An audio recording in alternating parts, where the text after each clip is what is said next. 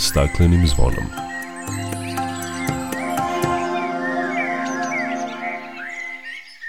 Dobar dan i dobrodošli na Zeleni talas prvog programa radija Radio Televizije Vojvodine. Ja sam Dragana Ratković. Za stanovnike severne zemljine polulopte juče je počela jesen, a dan ranije 22. septembra u gradovima širom sveta, posebno u Evropi, a i kod nas, obeležen je Dan bez automobila – Od 20. do 23. septembra u Novom Sadu održana je 26. škola za zaštitu životne sredine pod nazivom Kvalitet voda. Govorit ćemo o temama ovogodišnje radionice o vodi, kvalitetu vode u bazenima, upravljanju otpadnim vodama i vodnim sedimentom i kako se on može koristiti kao resurs. Biće reči i o samoprečišćavanju vodnih sistema putem biljaka. Priznanje Evropski grad šuma 2023. dodeljeno je Novom Sadu, domaćinu godišnje konferencije Evropskog instituta za šume. Čućete šta to priznanje znači za Novi Sad, kao i koje su lokalne samouprave dobile novac na konkursu pokrajinske vlade za uklanjanje divljih deponija. O tim i drugim temama nakon pozdravne pesme. Dok priroda kraj nas plače Za vladarskim svojim tronom Tužno vele narikače Pod staklenim smo zvonom Znaj vazduha više nema Sve manje Protiv sebe ide čovek i to često bez pardona. Uništenju živog sveta Kao da su ljudi skloni. Čovek sam je sebi meta Zbog njega ovo zvono zvoni Uništenju živog sveta kao da su ljudi skloni čovek sam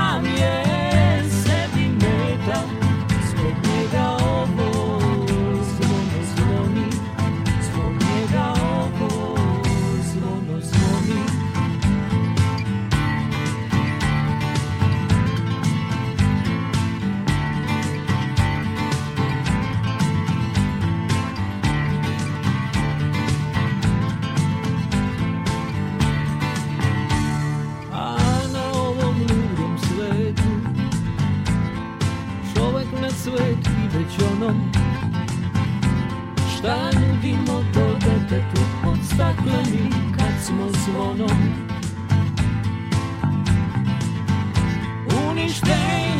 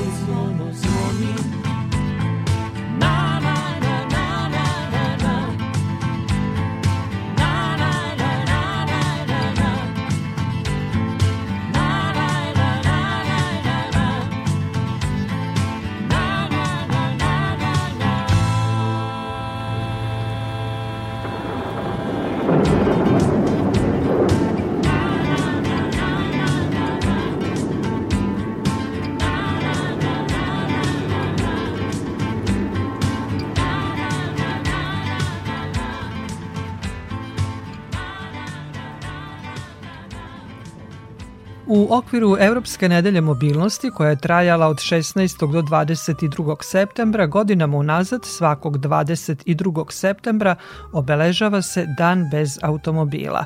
Gradovi širom sveta, posebno Evrope, sprovode različite mere i aktivnosti kako bi obeležili ovaj dan i pokazali svoje uspehe u prilagođavanju infrastrukture pešacima i biciklistima, ali i smanjenju zagađenja u svojim sredinama.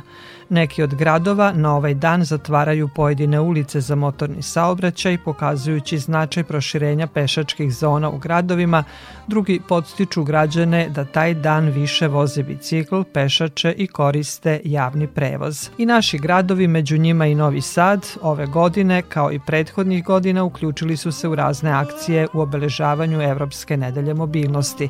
U organizaciji EU Infopointa Novi Sad i Novosadske biciklističke inicijative obeležen je Dan bez automobila pod sloganom Krećimo se kvalitetnije, štedimo energiju. Novosađanima u vožnji biciklima na kritičnoj masi pridružili su se ambasadori šef delegacije Evropske unije u Srbiji Emanuel Giofre, članovi delegacije Evropske unije i ambasadori pojedinih država članica, prenoseći poruku da je bicikl odličan način da uštedimo energiju, ali smanjimo zagađenje vazduha.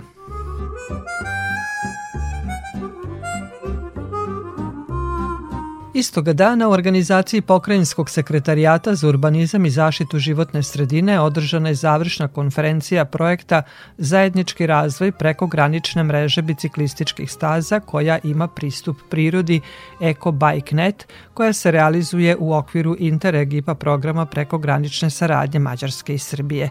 Cilj projekta je razvoj međunarodnog biciklističkog koridora Eurovelo 11 kroz izradu projektno-tehničke dokumentacije za izgradnju biciklističke staze u pograničnom području Mađarske i Srbije i turističke signalizacije ka zaštićenim područjima u Vojvodini. O tome Marija Maleš. Učestvujući u projektu, shvatili smo da u zajedništvu leži pobeda. Partneri iz mađarske kompanije za razvoj infrastrukture, odradivši svoj posao profesionalno, omogućili su da održimo završnu konferenciju, kaže podsekretarka u Pokrinjskom sekretarijatu za urbanizam i zaštitu životne sredine Brankica Tabak. Ova završna konferencija će zapravo skrenuti pažnju javnosti na sve ono što smo do sada učinili, a to je da mi ispred Pokrajinskog sekretarijata za urbanizam i zaštitu životne sredine jesmo maksimalno omogućili sve što je potrebno da se kroz projektno-tehničku dokumentaciju, a sagledavajući zapravo sedam opština i gradova na teritoriji Vojvodine, ukažemo na svo neophodno postavljanje signalizacije koja upućuje na zaštićena područja, koja su jednim delom proglašena i od autonomne pokrajine Vojvodine, ali imaju i neka druga, drugu, drugi značaj. Veoma je bitno da u sledećem koraku konkursom za izgradnju biciklističke staze pokažemo da je projektna dokumentacija koju smo uradili profesionalno urađena, dodala je Tabakova.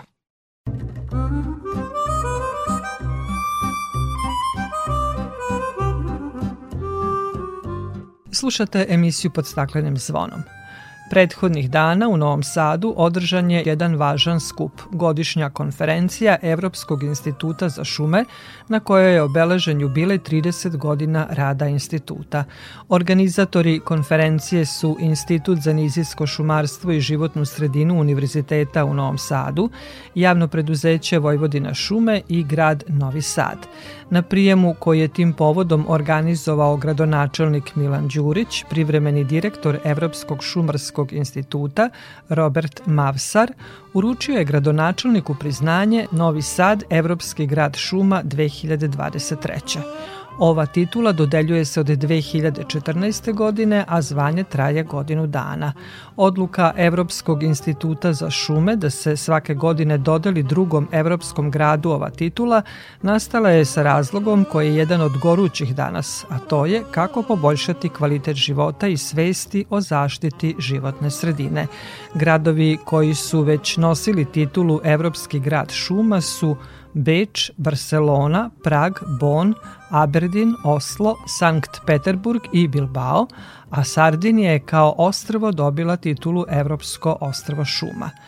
Šta titula Evropski grad šuma znači za Novi Sad, pitala sam jednog od organizatora konferencije, direktora Instituta za nizijsko šumarstvo i zaštitu životne sredine Sašu Orlovića. Pa za Novi Sad to znači priznanja, istovremeno i veliku obavezu. Naime, do sad je pet gradova, da kažemo, proglašeno za Evropske gradove šuma.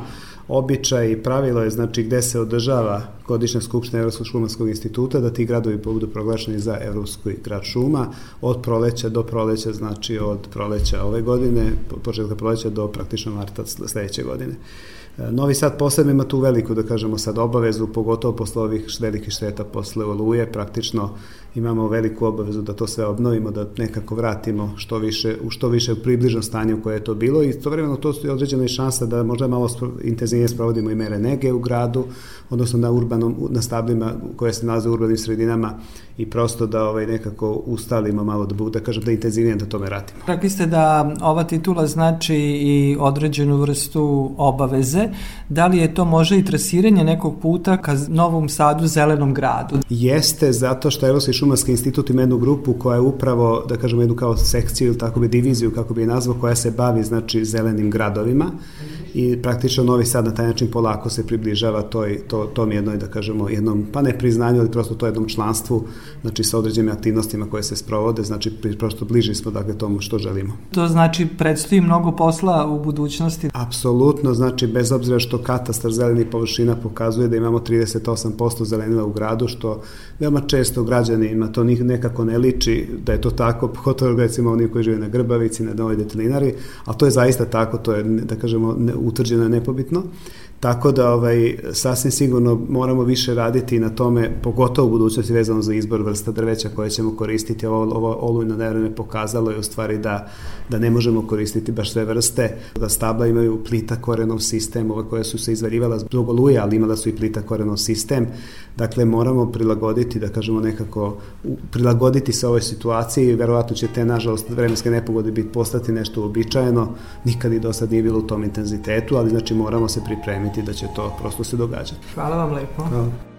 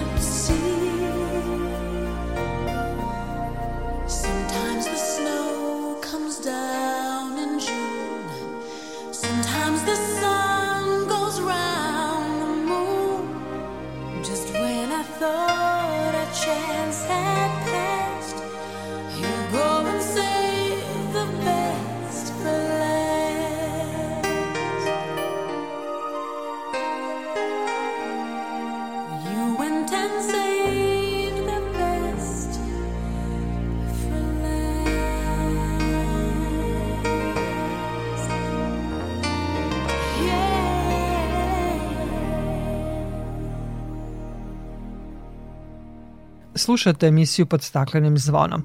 Od 20. do 23. septembra u Novom Sadu održana je 26. škola za zaštitu životne sredine pod nazivom Kvalitet voda.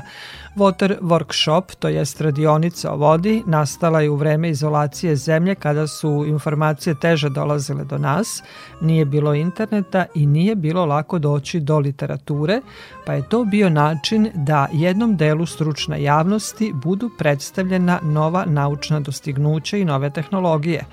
Organizatori skupa bili su Univerzitet u Novom Sadu, Prirodno-matematički fakultet, Departman za hemiju, biohemiju i zaštitu životne sredine, Udruženje Edukativni centar za zaštitu životne sredine, Fondacija docent dr. Milena Dalmacija, projekat Smart Water Twin, Horizont Evrope, Bijust projekat ideje Fonda za nauku Republike Srbije.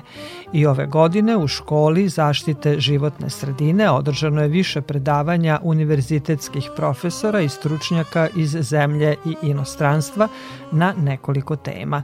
Mi smo razgovarali sa profesorima sa Departmana za hemiju, biohemiju i zaštitu životne sredine. Glavna tema skupa bila je voda za rekreaciju. Sve veća popularnost bazena i banja zahteva da se više pažnje posveti kvalitetu vode u njima.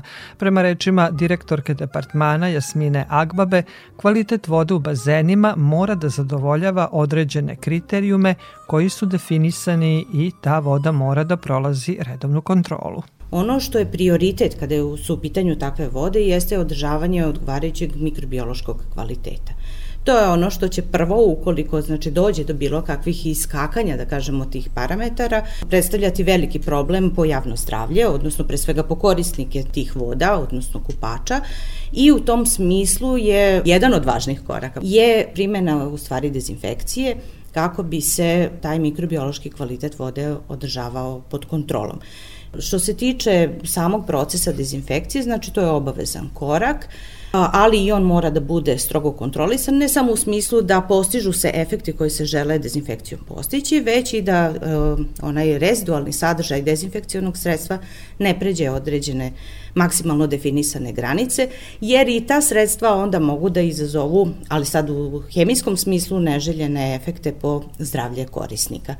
Za bazene je obično specifično da se oseti miris na hlor, pogotovo i obično se dodaje upravo zbog velikog broja kupača koji treba da bude znači isto na neki način praćen i očekivan da bi se i doziranje hlora kontrolisalo, dodaje se u višku i pri visokim temperaturama naravno deo tog hlora i odlazi u atmosferu i zato se taj specifičan miris i osjeća. To je donekle u redu, ali ne sme ni da bude prejako jer onda znači već govorimo o povećanoj koncentraciji dezinfekcionog sredstva.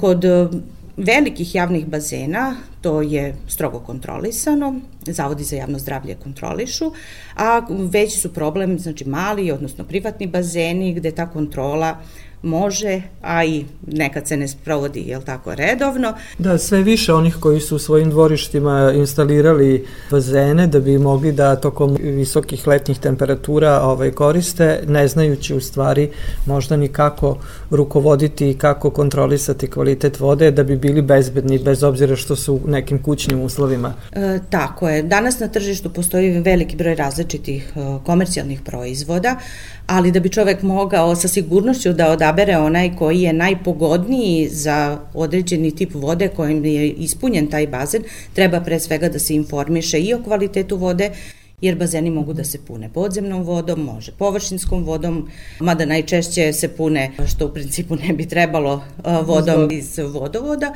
ali s druge strane, kada se bazen napuni takvom vodom, onda se podrazumeva u stvari dobar kvalitet te vode i samo taj kvalitet posle treba održavati. Kada su u pitanju bunari, bušeni bunari, pa se podzemnom vodom pune bazeni, onda pre svega treba ispitati kvalitet tih voda da bi se moglo definisati koje su vrednosti alkaliteta, koje je pH vrednost te vode i niz drugih znači parametara koji su relevantni posle za odabir sredstava za održavanje u stvari kvaliteta vode vode u samom bazenu.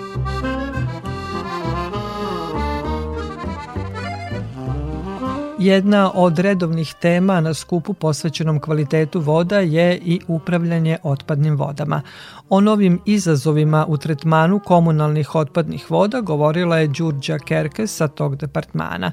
Prema njenim rečima, kada je reč o prečišćavanju komunalnih otpadnih voda, u svetu se dosta napredovalo u ovoj oblasti i radi se na rekonstrukciji postojećih postrojenja za prečišćavanje otpadnih voda, a kod nas se komunalne otpadne vode i dalje malo prečišćavaju.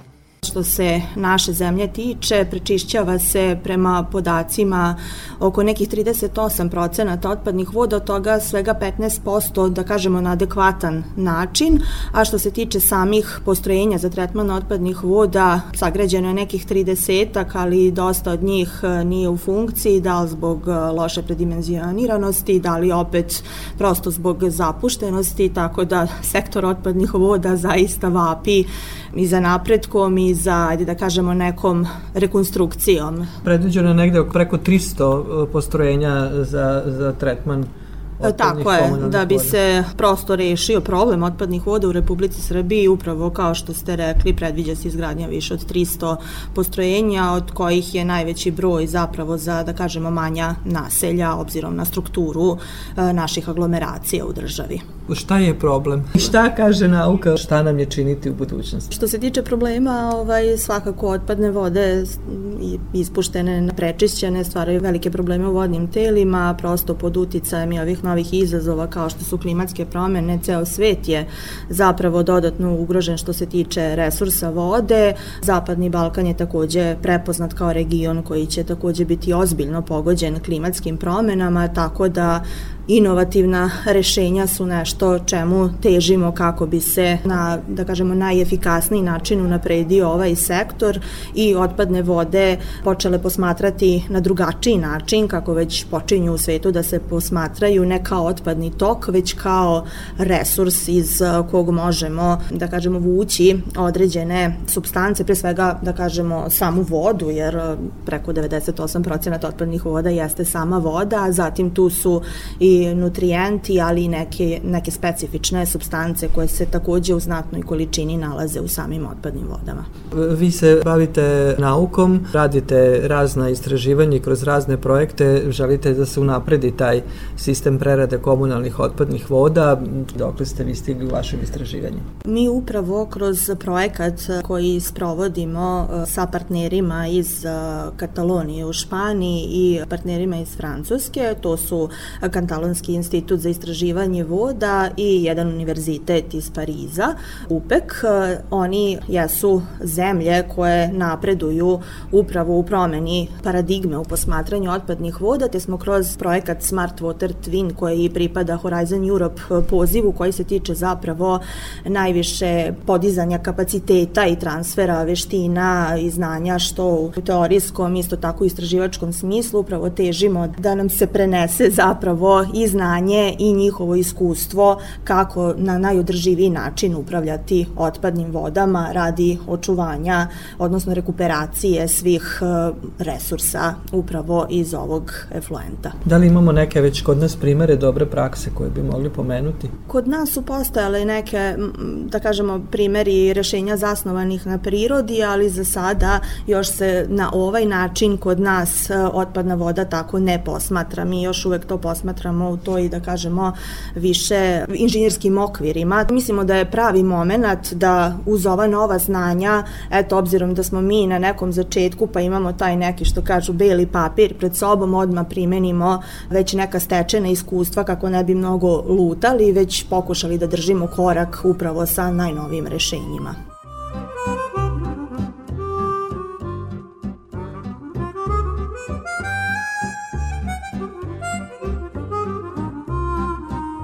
Dragana Tomašević-Pilipović, takođe sa Departmana za hemiju, biohemiju i zaštitu životne sredine Prirodno-matematičkog fakulteta, govorila je o tome koliko sediment ima uticaja na čoveka i kako se on može iskoristiti kao resurs, kako se on koristi u svetu i da li se koristi kod nas. Pa zapravo izuzetno velik. Ja mislim da ljudi nisu ni svesni toga u stvari koliko sediment ima uticaj na, na vodene ekosisteme, ali kada pogledate sam taj prirodan proces erozije kojim sediment uopšte nastaje, a sa druge strane i antropogeni uticaj i sediment po svojoj strukturi ima velike karakteristike da zapravo veže polutante na svoju površinu i da ih tu dugo zadrži, pa čak i na, nakon nekoliko kilometara da ako se pokažu povoljni uslovi, da on oslobodi te polutante opet u vodeni ekosistem. Tako da e, ljudi mogu biti ugroženi što se tiče sedimenta i dok je on u vodenom ekosistemu, a pogotovo ukoliko se znači sa njim ne upravlja na adekvatan način.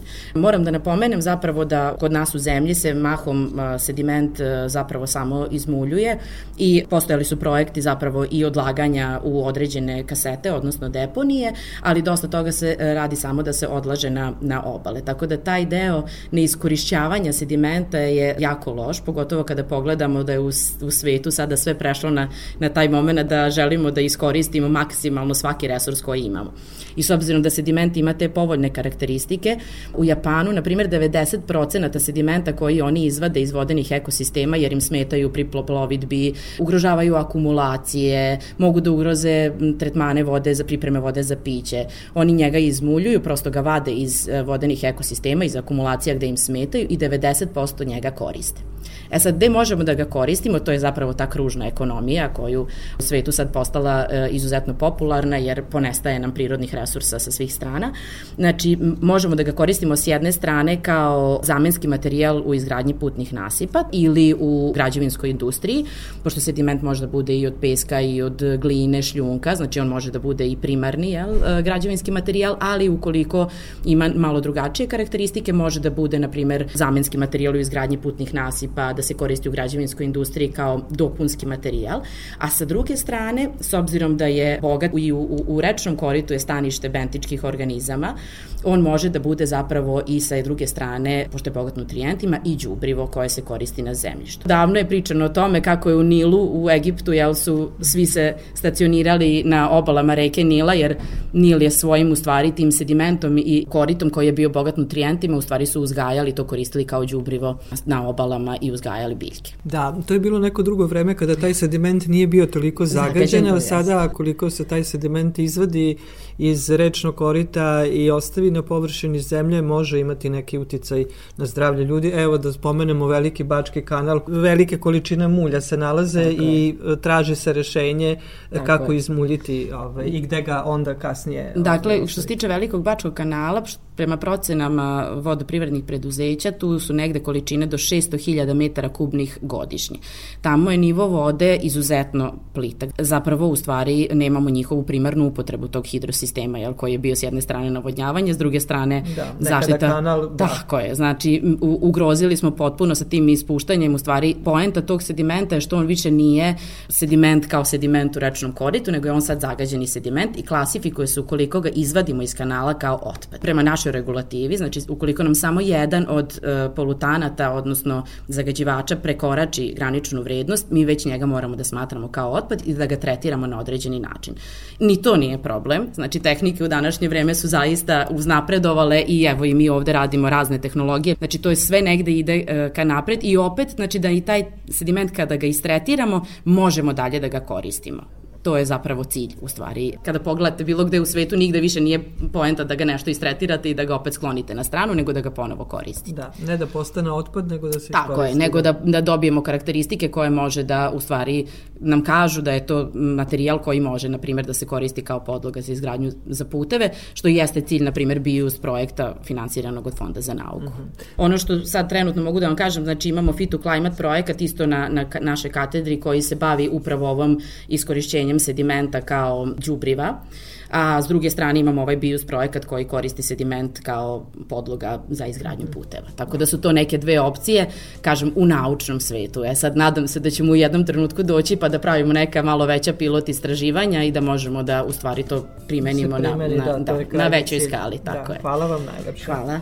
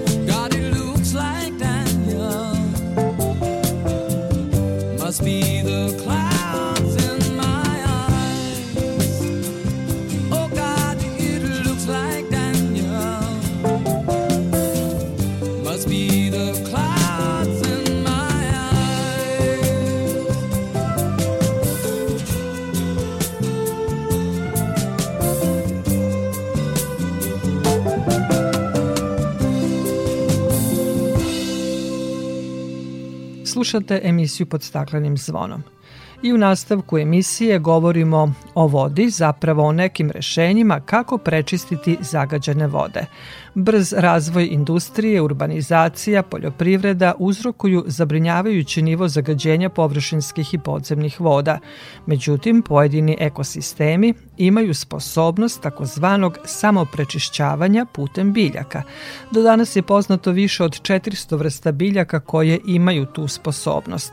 Reč je o gotovo svim barskim biljkama, ali i nekim drugim. O tome više kolega Vlado Matijević. Naučnici sva zagađenja u prirodi, pa tako i u vodi, koja izazove čovek, nazivaju antropogenim zagađenjem. Kako se sama priroda u vodenom ekosistemu bori sa tim, razgovaramo sa Dušankom Cvijanović, profesorkom na Departmanu za biologiju i ekologiju, katedre za ekologiju Prirodno-matematičkog fakulteta u Novom Sadu. Dobrodošli na talase prvog programa radija Radio Televizije Vojvodine. Zahvaljujem se, bolje vas našla. Za početak da vas pitamo koje su to biljne vrste iz barskih i uopšte vodenih ekosistema i priobalnog pojasa kao dobri prečistači vode i šta su to makrofite? A, makrofite predstavljaju vodene biljke više vodene biljke i alge iz razdela harofita. Kad kažemo vodene biljke, znači da koriste vodu kao životnu sredinu, a ne kao ekološki faktor u zemljištu e, one su direktno vezane, znači za vodu žive u vodi ili žive na prelazu između vodene životne sredine i terestrične. Znači mogu da budu potopljene pod vodom, submerzne, da imaju plutajuće organe, konkretno listove i e, reproduktivne organe na samoj površini vode kada su flotantne ili da naseljavaju taj ekoton, odnosno prelaz između e, vodene životne sredine i kopna kada se nazivaju emerzne, makrofita sve generalno prečišćavaju vodu. To možete videti i u akvarijumu. Prvo što primetimo je da mogu da odstrane višak nutrijenata. Ali isto tako oni imaju mogućnost da ostrane pesticide, teške metale, da ih degradiraju. A što se tiče samih vrsta, pa tu većina nas je, ima priliku da vidi te vrste u prolazu, je li tako? Ovaj, duž kanala, kada odemo na Dunavce i tako dalje, to su trska, rogoz, šaš, beli žuti lokvanj, e, žuti lokvančić i tako dalje. Naravno, osim akrofita, vrste koje su značajne za prečišćavanje vode su one koje se nalaze na obalnom pojasu. To su vrbe i topole. A na koji način pomenute biljke to rade i gde se s obzirom na vrstu biljke ta štetna jedinjenja i toksini akumuliraju? Odnosno, kada pomenute biljke postaju prezasićene unetim substancama štetnim po okolinu. Pomenute biljke to mogu da rade na više načina, u zavisnosti od toga da li se ukorenjuju, da li imaju rizome, s tim što moram da napomenem da samo jedna vodena vrsta u Srbiji ima pravi korenov sistem, to je vodeni orašak trapanatan, sve ostale se pričvršćuju putem rizoma. Znači one nose niz fizioloških, anatomskih, morfoloških adaptacija sa sobom, i sekundarno su naselile vodenu životnu sredinu, otuda imaju čitav niz adaptacija pomoću kojih mogu da otklanjaju toksine iz vodene životne sredine. Pa recimo, mogu da ih magacioniraju, i to je posebno nama interesantno ako se dešava u nadzemnim izdancima, zato što ti onda nadzemni izdanci mogu da se kose, seku ili tako dalje i odstrane iz ekosistema, gde ste vi zapravo i prečistili ekosistem. Mogu da usvajaju nutrijente i da ih zadržavaju u organskoj materiji Ono što je posebno interesantno, mnogi toga nisu svesni, mogu da u tom procesu primarne produkcije zapravo vezuju CO2, odnosno ugljenik. Osim toga mogu da pomoću specifičnih enzima koje luči koren ili rizom, da vrše degradaciju ili pak unutar ovaj, svojih ćelija da vrše degradaciju, na primjer, pesticida. To je vrlo interesantno. I naravno mogu pomoću svojih sekundarnih metabolita i opet da kažem enzima koji se luče u tu rizosferu da potpomognu stabilizaciju toksina, odnosno zagađivača, da ne dolaze do njihove dalje disperzije u akvatičnom ekosistemu, odnosno u podlozi ili u zemljištu. Prateći ekološke sadržaje i nove biotehnologije čuli smo za pojam fitoremedijacija. Možete nam pojasniti šta označava taj pojam?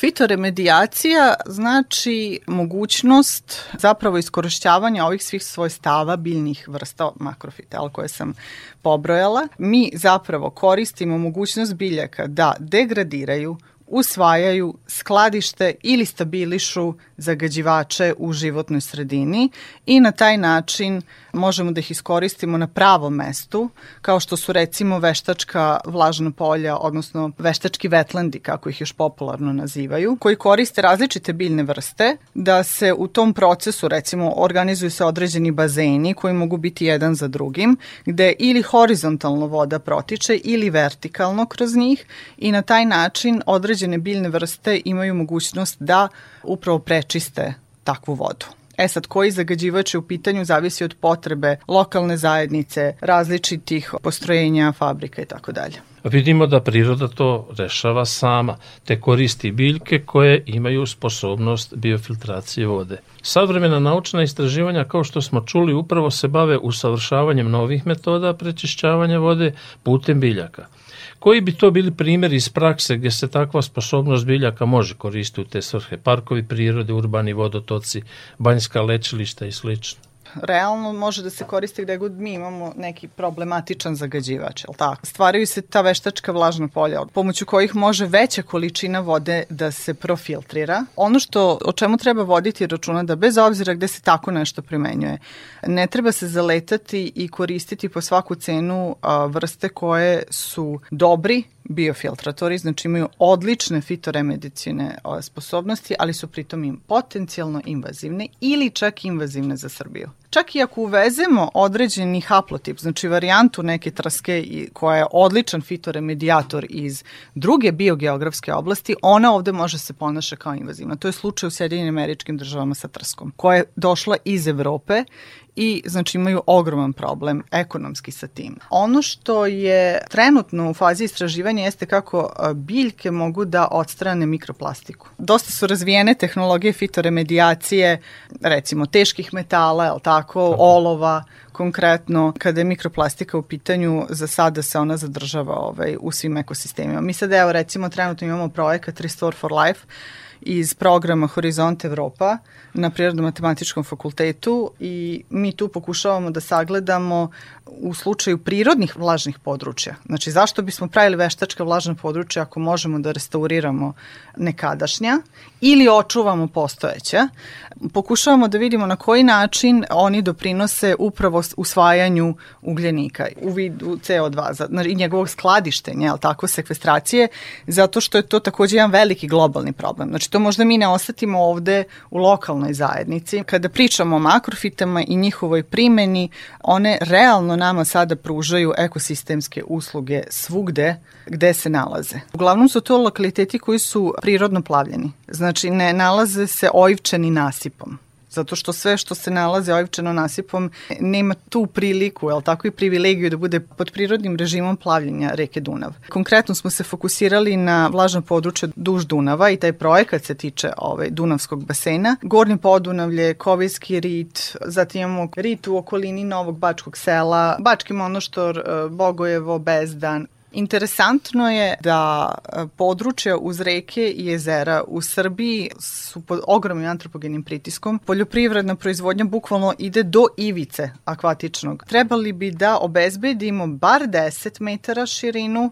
te zone sanitarne oko ove jezera ili reke, a idealno 60 jer je upravo ta zona dovoljna da eliminiše kompletno sve pesticide i teške metale, znači da ih zadrži sa poljoprivrednih obradivih površina koje zapravo dominiraju našim pejzažom. Imali smo priliku i na Jegričkoj da sprovodimo istraživanje i tu se zaista vidi taj deo koji je pod zaštitom apsolutno ima drugačiji kvalitet. Vodene biljke vrlo sporo usvajaju nutrijente.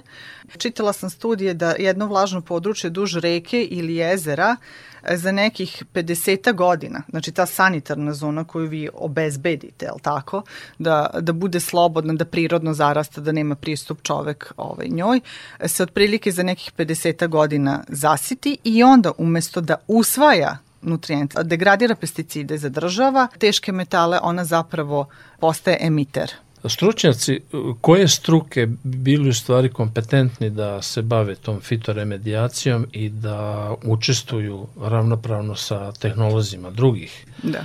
profesija vezano za prečišćavanje vode. Da. Konkretno mi na prirodno-matematičkom smeru imamo više smerova, ali ja bih pre svega istekla smer diplomirani ekolog koji postoji više decenija na Prirodno-matematičkom fakultetu i smatram da bi rame uz rame sa inženjerima i drugim strukama trebali da učestvuju u ovakvim procesima, baš da se e, izbegnu negativni efekti nekih restauracionih radova, nekih bilo kakvih tehničkih mera koje se sprovode na akvatičnim ekosistemima, u Srbiji, nažalost, ima jako puno primera gde upravo zbog odsustva nekog ekologa u projektu imamo situaciju da a, posle toga imamo mnogo gore stanje u akvatičnom ekosistemu nego što smo imali pre toga. Profesor Kacvijanović, hvala vam na iscrpnom odgovorima i što ste bili gošće naše radije. Hvala vama. Yellow is the color my true love's here in the morning when we rise in the morning when we rise. That's the time. That's the time. I love the best. Blue's the color of the sky. In the morning when we rise. In the morning when we rise. That's the time. That's the time I love the best. Green's the color of the sparkling corn in the morning when we rise. In the morning when we rise. That's the time, that's the time. I love the best.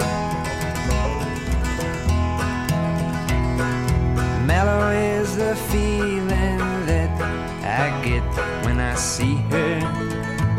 Mm-hmm. When I see her, uh huh. That's the time, that's the time I love the best.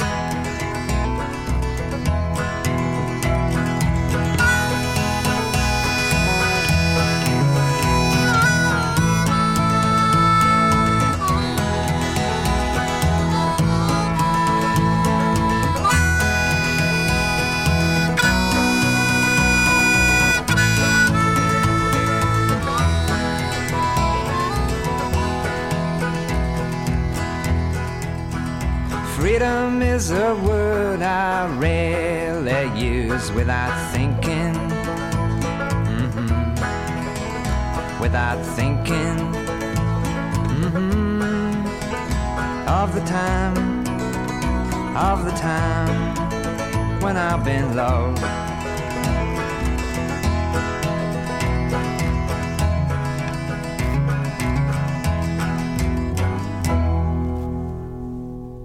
Slušate emisiju pod staklenim zvonom. Nakon priče o kvalitetu vode govorit ćemo o još jednom problemu koji nas muči, a to je pitanje upravljanja otpadom.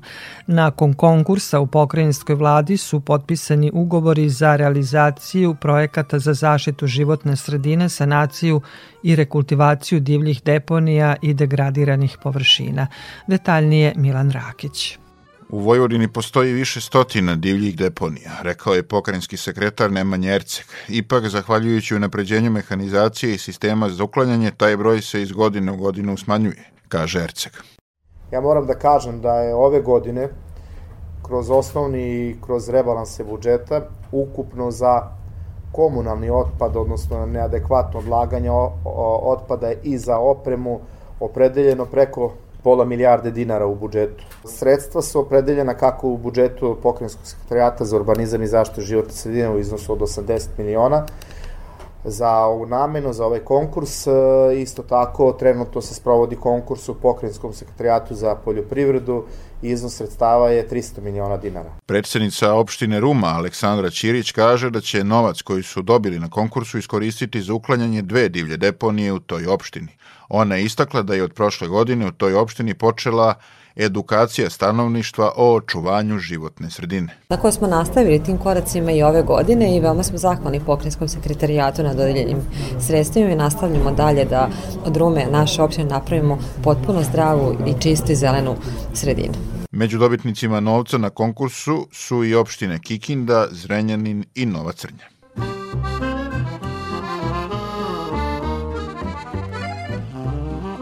Na konkursu podršku pokrajine za uklanjanje divljih deponija dobile su opštine Ruma, Žitište, Nova Crnja i Titel, kao i gradovi Zrenjanin i Kikinda.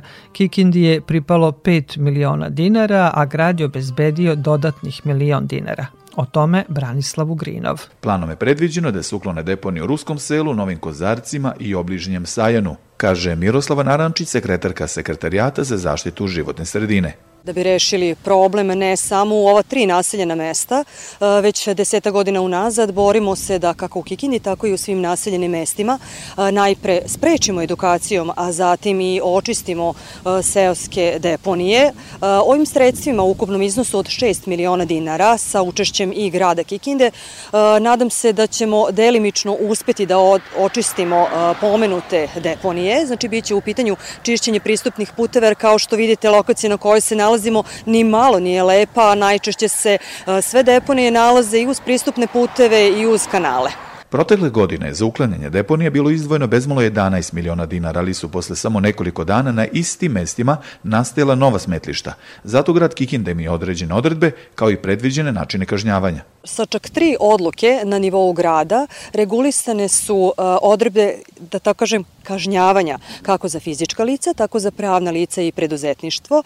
Ja bih uh, naglasila da su to iznosi od nekih 6000 dinara za fizička lica, pa čak i do nekog milionskog iznosa za preduzetništvo, kazne koje su regulisane i zakonom o zaštiti životne sredine, upravljanju otpadom i zakonom o prekršajima. Grad Kikinda sa svih svojih devet sela je sredina koja u više od 90% ukupnog stanovništva uredno sprovodi program odnošenja komunalnog otpada, a već duži niz godina grad posjeduje regionalnu deponiju na kojoj je odnošenje smeća za građane besplatno.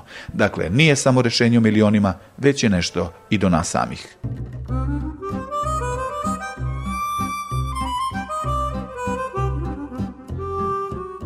U želji da promoviše i podstakne reciklažu starog papira i ove godine tokom manifestacije Jesenja cvetna pijaca ispred Novosadskog Spensa, Udruženje Inženjeri zaštite životne sredine započelo je akciju zamene starog papira za sadnice, cveća ili drveća.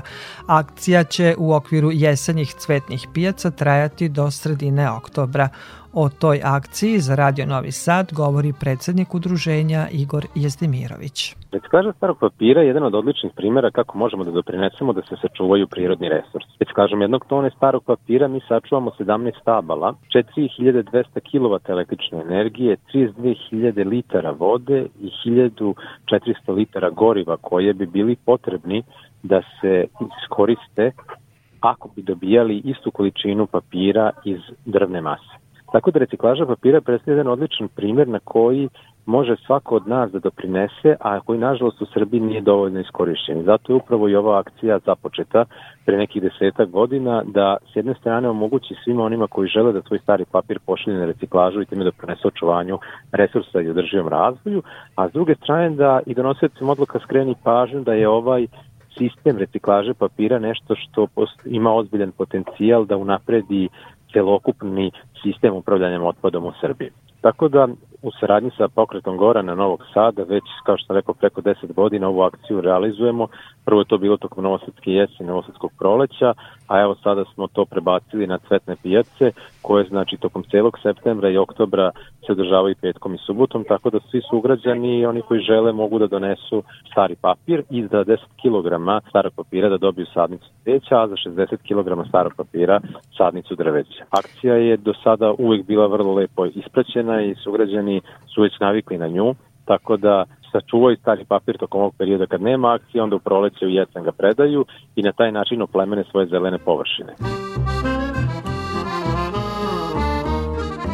I za kraj još nekoliko najava. Sutra u Master centru Novosadskog sajma biće održana konferencija povodom 15 godina realizacije programa za čistije i zelenije škole u Vojvodini. Taj program je nastao radi podizanja svesti za brigu o zaštiti životne sredine, ali i ličnu odgovornost najmlađih kroz vaspitno-obrazovni sistem.